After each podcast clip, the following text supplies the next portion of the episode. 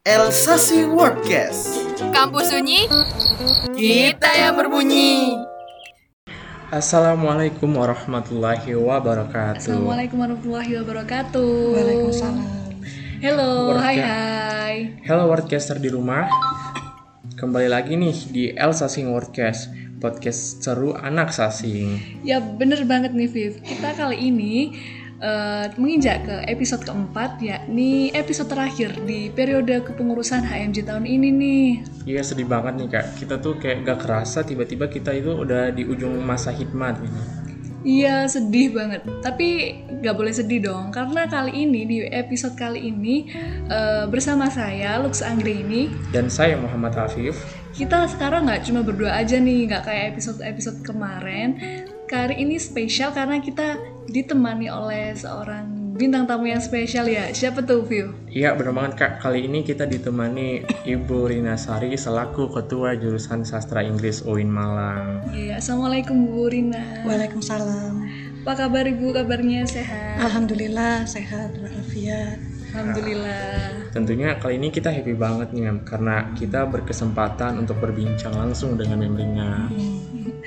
Karena pada podcast kali ini Mem kita itu akan membahas hal yang sangat krusial nih di antara mahasiswa sastra Inggris kita akan bahas tentang strategi pembelajaran di masa pandemi ya nggak tuh Viv? Iya bener banget. Apalagi nih ya beberapa minggu ke depan tuh kita udah mau menghadapi ujian akhir semester nih.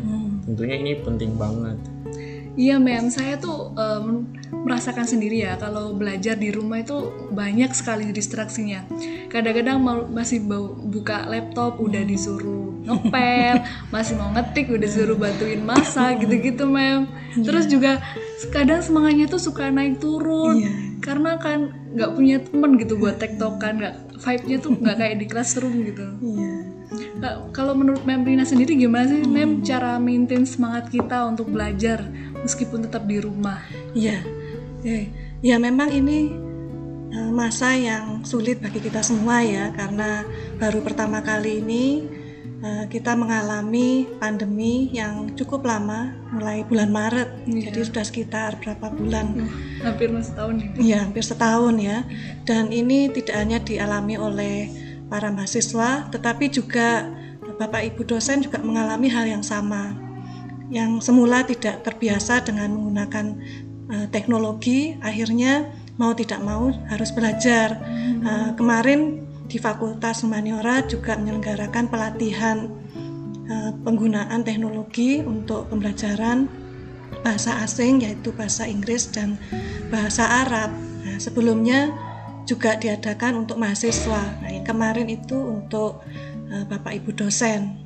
Nah, khusus didatangkan eh, pelatih dari Universitas Negeri Surakarta.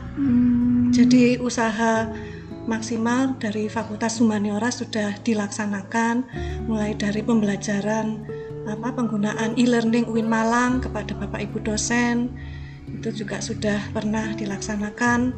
Dan sekarang kembali kepada diri kita masing-masing ya untuk hal-hal yang dari luar yang bersifat pelatihan sudah kita peroleh ya baik dari baik untuk mahasiswa maupun eh, Bapak Ibu dosen. Nah, sekarang bagaimana dengan cara kita mengatur eh, apa etos kerja atau kinerja kita sebagai eh, mahasiswa maupun sebagai dosen. Jadi semua ini kembali kepada diri kita masing-masing. Eh, bila mahasiswa maupun dosen sekarang harus melaksanakan aktivitasnya di rumah masing-masing, yang pasti banyak juga mungkin apa gangguan atau ya yang bersifat eh, privasi mungkin harus membantu orang tua mengerjakan pekerjaan rumah tangga. Kemudian bapak ibu dosen juga eh, di apa di samping harus mengajar pada waktu perkuliahan sudah ditentukan eh, di lain pihak ada mungkin suami atau istrinya ingin diminta untuk mengantar ya. Iya. ya intinya semua kepada komunikasi ya.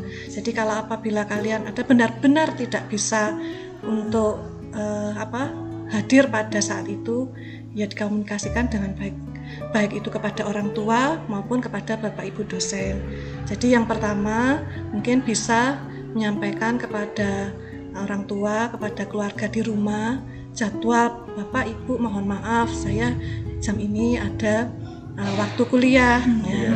Eh, seperti itu. Nah, misalnya kalau benar-benar hujan ya, misalnya ada ya kita tidak tahu ya kita namanya ada bencana, mungkin ada keluarga yang uh, kesusahan atau meninggal dan kita harus menghadiri pada situasi-situasi sulit tersebut, ya tetap sampaikan permohonan izin kepada Bapak Ibu dosen. Insya Allah tidak ada kesulitan bila semua dikomunikasikan dengan baik dan sopan. Hmm. Jadi itu. Nah, untuk belajar ya kembali kepada diri kita. Kita niat niat untuk belajar atau tidak. Padahal kita juga harus dituntut untuk lulus kan Iya. semester ini. Kalau misalnya kita menuruti apa keinginan kita katanya anak muda sekarang apa mager ya Iya, bahan mager. mager udah enak gini mem anu apa bersantai-santai di tempat tidur ngambil apa dengarkan musik. musik apa nah nah bagaimana kita mau maju kalau kita menuruti keinginan kita di mana saat itu kita harus menghadiri perkuliahan secara online? Jadi intinya harus melawan ya. Kita harus melawan diri kita sendiri apabila dilanda rasa malas. Karena keberhasilan kita itu tergantung pada apa? Niat kita. iya kalau niat kita lemah ah gampang nanti gini-gini. Ya kita tidak tahu nanti nilainya jeblok. Akhirnya tidak mendapatkan nilai yang maksimal. Atau mungkin gagal di mata kuliah ini karena jarang hadir di perkuliahan tidak mengumpulkan tugas secara teratur. Nah nanti akan mempengaruhi eh, apa IPK kita. Ya nanti semester depan tidak bisa mengambil mata kuliah prasyarat mata kuliah apa yang diprasyaratkan itu Iya, seperti iya. itu jadi intinya uh, kita harus melawan kemalasan itu harus punya tekad yang kuat untuk uh, meraih prestasi tidak mudah putus asa Iya. itu itu intinya Kembali ke diri kita Iya, kembali ke diri kita. Orang tua sudah menasihati, tapi kalau kita nggak dilihat orang tua Iya. sudah santai aja. Nah, seperti itu. Ya katanya kan motivasi terbesar itu Dari dari, diri kita diri kita, ya. Kalau orang lain cukup menasihati, tapi kita yang melaksanakan. Gitu. Jadi intinya tuh dari diri kita sendiri ya. Soalnya eh, mungkin kalau kita di rumah kan nggak ada yang mengawasi. Iya. Beda kalau dengan di kelas ada dosen yang mengawasi kita Iya, belajar. Jadi oke. kita di rumah tuh mungkin belajarnya ya berleha-leha aja. Iya. sama rebahan baru kali ini mem saya Iya. kuliah sama rebahan Ah. Iya, terus ada pesan saya juga ya. eh, ini yang juga paling penting untuk kita semua, tidak ha- hanya untuk mahasiswa tapi juga Bapak Ibu dosen. Eh, harapan kami di program studi sastra Inggris apabila menghadapi kesulitan, tantangan eh, untuk pelaksanaan perkuliahan online ini tidak mudah putus asa karena tantangan ini kita hadapi semua. Jadi mohon kesabarannya baik Bapak Ibu dosen juga sedang berlatih untuk menggunakan teknologi. Mahasiswanya mungkin juga lebih canggih ya karena kan kalian digital netizen ya lahir di eh, masa yang sudah canggih. Nah, sedangkan Bapak Ibu dosen eh, di masa yang sebelumnya. Jadi masing-masing perlu memiliki eh, kesadaran saling apa? Memahami. memahami. Jadi tidak mudah mengeluh tidak mudah putus asa apabila menghadapi sesuatu yang tidak sesuai di hati. Hmm. jadi intinya ya dimaklumilah seperti ini. Yang penting kalau ada apa-apa komunikasikan baik-baik itu seperti itu ya. Kalau ada halangan itu pesan kami dari uh, prodi ya. Oke. By the way nih kan ya, Mem. Menjabat eh, menjadi ketua jurusan itu menurut kami sesuatu yang pencapaian yang sangat luar biasa dan tentunya eh, untuk menggapai ini semua Mem eh, melewati berbagai proses nih. Salah satunya Mem berproses di kala menjadi mahasiswa. Kami pengen kepo nih Mem, dulunya sewaktu Mem Rina jadi mahasiswa, Mem menerapkan pola belajar gimana, terus lingkungan pertemanan Mem tuh kayak gimana sampai Mem bisa berada di posisi sekarang ini. Oh iya, iya. Oke, alhamdulillah eh, masa apa? Masa muda atau masa pada saat saya melaksanakan apa? sedang kuliah ya. Iya. Eh, Kuliah waktu itu tahun eh, 1993. Ya, saya belum lahir. S- S1 1993 sampai 1998. Ya nama mas- namanya mahasiswa tantangannya sama ya. Jadi eh, kita juga belajar di satu kelas itu sama mulai dari semester 1 sampai semester 8. Kita juga mengikuti program intensif English course Hmm, dulu, selama satu minggu dulu mem jurusan sastra Inggris. jurusan pendidikan bahasa Inggris di uh, dulu namanya IKIP Negeri Malang, sekarang Universitas Negeri Malang. Nah, itu juga AIC 18 SKS mulai Senin sampai Jumat. Kalau kalian di sini kan 6 SKS Iya, sudah begitu ya. Iya. Ya, tapi alhamdulillah apa dengan uh, peran dosen yang sangat membantu dan kekompakan teman-teman sekelas ya akhirnya bisa melalui itu semua lulus kemudian juga bisa lulus tepat waktu dengan berbagai macam rintangan pasti ada jadi yang diperlukan di sini tidak hanya kalau IQ kepandaian itu tidak nomor satu menurut saya Hmm, jadi ya kalau menurut saya saya biasa-biasa saja. Tetapi yang saya pegang itu ketekunan. oh, Ketekunan jadi tekun kalau belajar itu ya sudah belajar di perpustakaan atau eh, diskusi dengan teman-teman. Jadi kalau nilai ya biasa-biasa, yang penting tekun sehingga lulus tepat waktu dan juga diikuti dengan mengikuti kegiatan-kegiatan di luar jam perkuliahan itu organisasi gitu kan mengikuti UKM UKM. ya jadi UKM yang saya ikuti sejak semester satu itu paduan suara Wow. Sa- Satata Sakti Aduan Sarah mem. Iya, tapi bisanya nyanyi bareng. Kalau sendiri enggak Baru tahu bagus. Ya, alhamdulillah tahun 94 waktu itu kami paduan suara Satata Sakti eh, IKIP Malang memenangkan juara tiga nasional Wow, gila. ya. Ya nyanyi bareng-bareng gitu ya. Kemudian setelah itu saya mengikuti Ikatan Pecinta Retorika Indonesia itu UKM baru. Nah, saya menjadi ketua diklat yang pertama di mana tidak ada alat komunikasi canggih handphone sampai seperti sekarang ini. Nah, jadi mengorganisir teman-teman dari berbagai jurusan itu merupakan sebuah tantangan yang sangat menantang ya.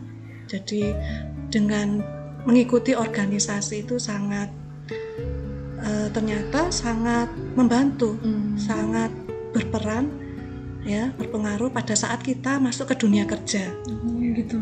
Jadi pada saat kita masuk dunia kerja, kita tidak lagi ka- kaget dengan ritme kerja, bagaimana melakukan teamwork, harus sabar menghadapi berbagai macam eh, teman yang berbeda cara kerja dan ya macam-macam ya, Iya. cara manage manajemen waktu, kemudian eh, pekerjaan-pekerjaan itu. Nah itu sudah, alhamdulillah sudah pernah dilakukan, dilatih pada saat eh, aktif di organisasi UKM itu. Itu. Jadi ya gunakan masa muda kalian, masa kuliah kalian ini sebijak mungkin, tidak hanya belajar saja di untuk kelas. ya belajar di dalam kelas, belajar dapat teori teori-teori, tapi juga perlu mengadakan berinteraksi dengan kegiatan di luar kampus, misalnya mengikuti UKM ya Iya.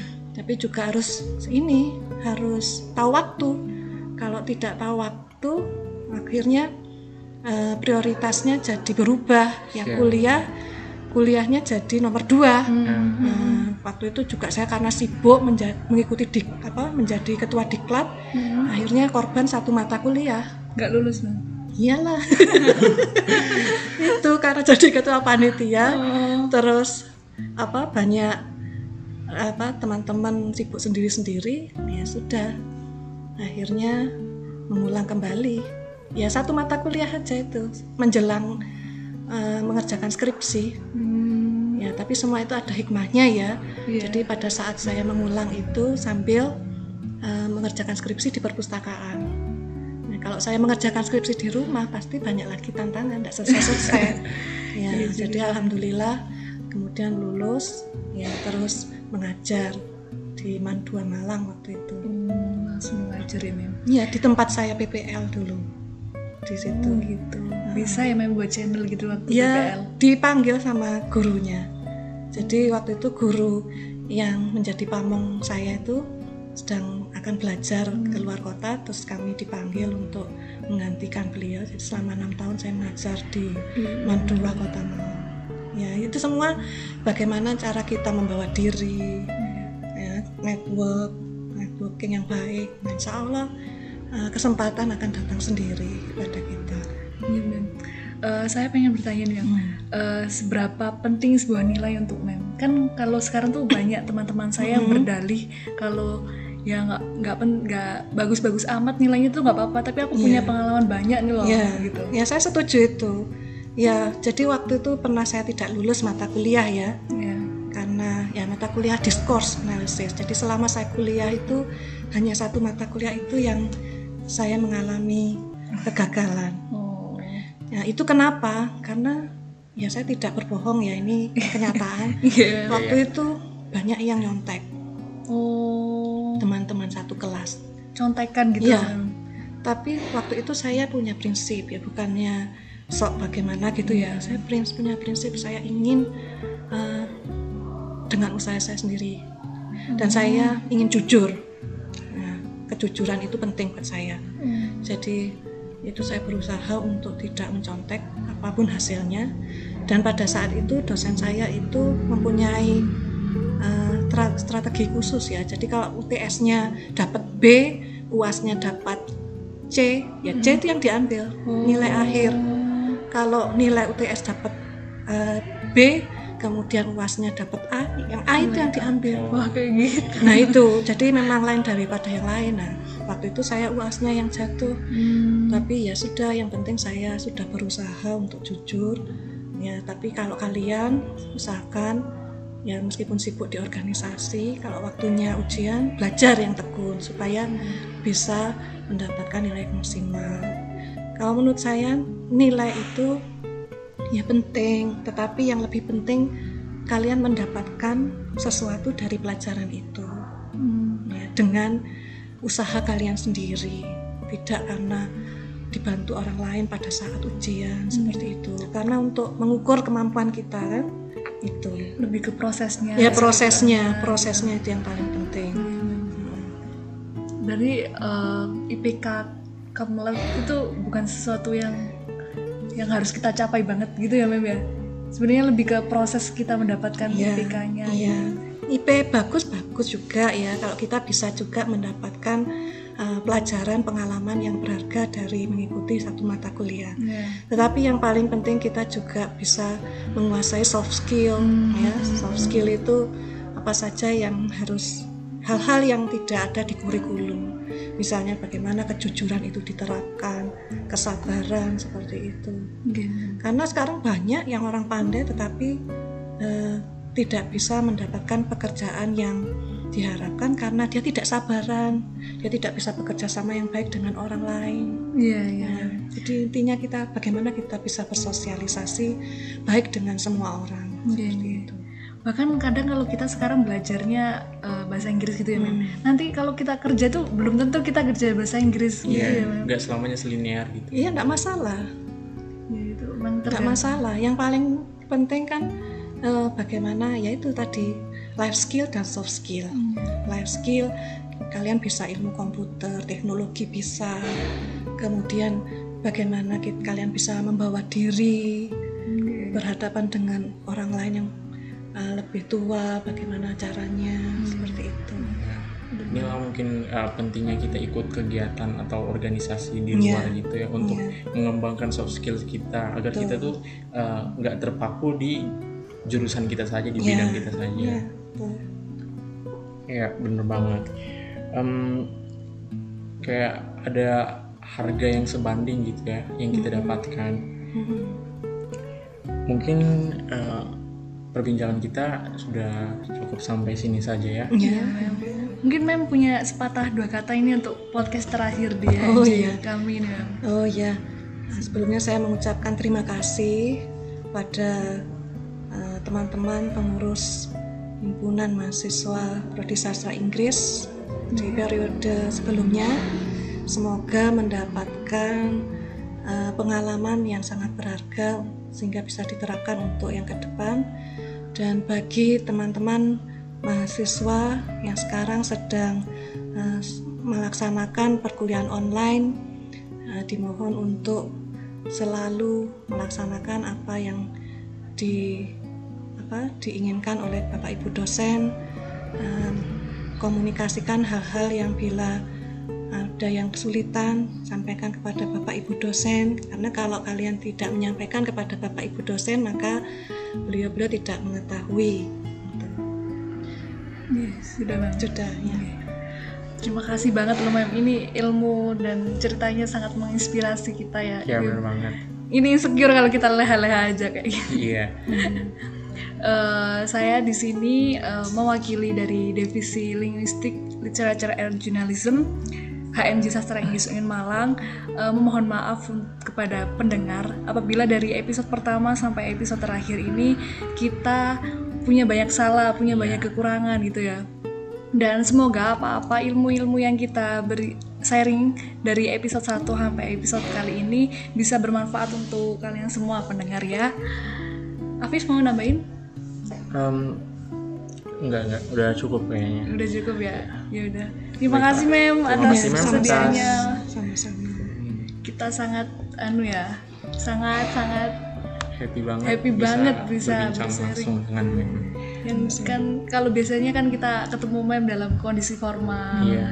Kayak gak Perwalian bisa, atau iya perwalian atau di dalam kelas. Sekarang bisa tahu kayak apa.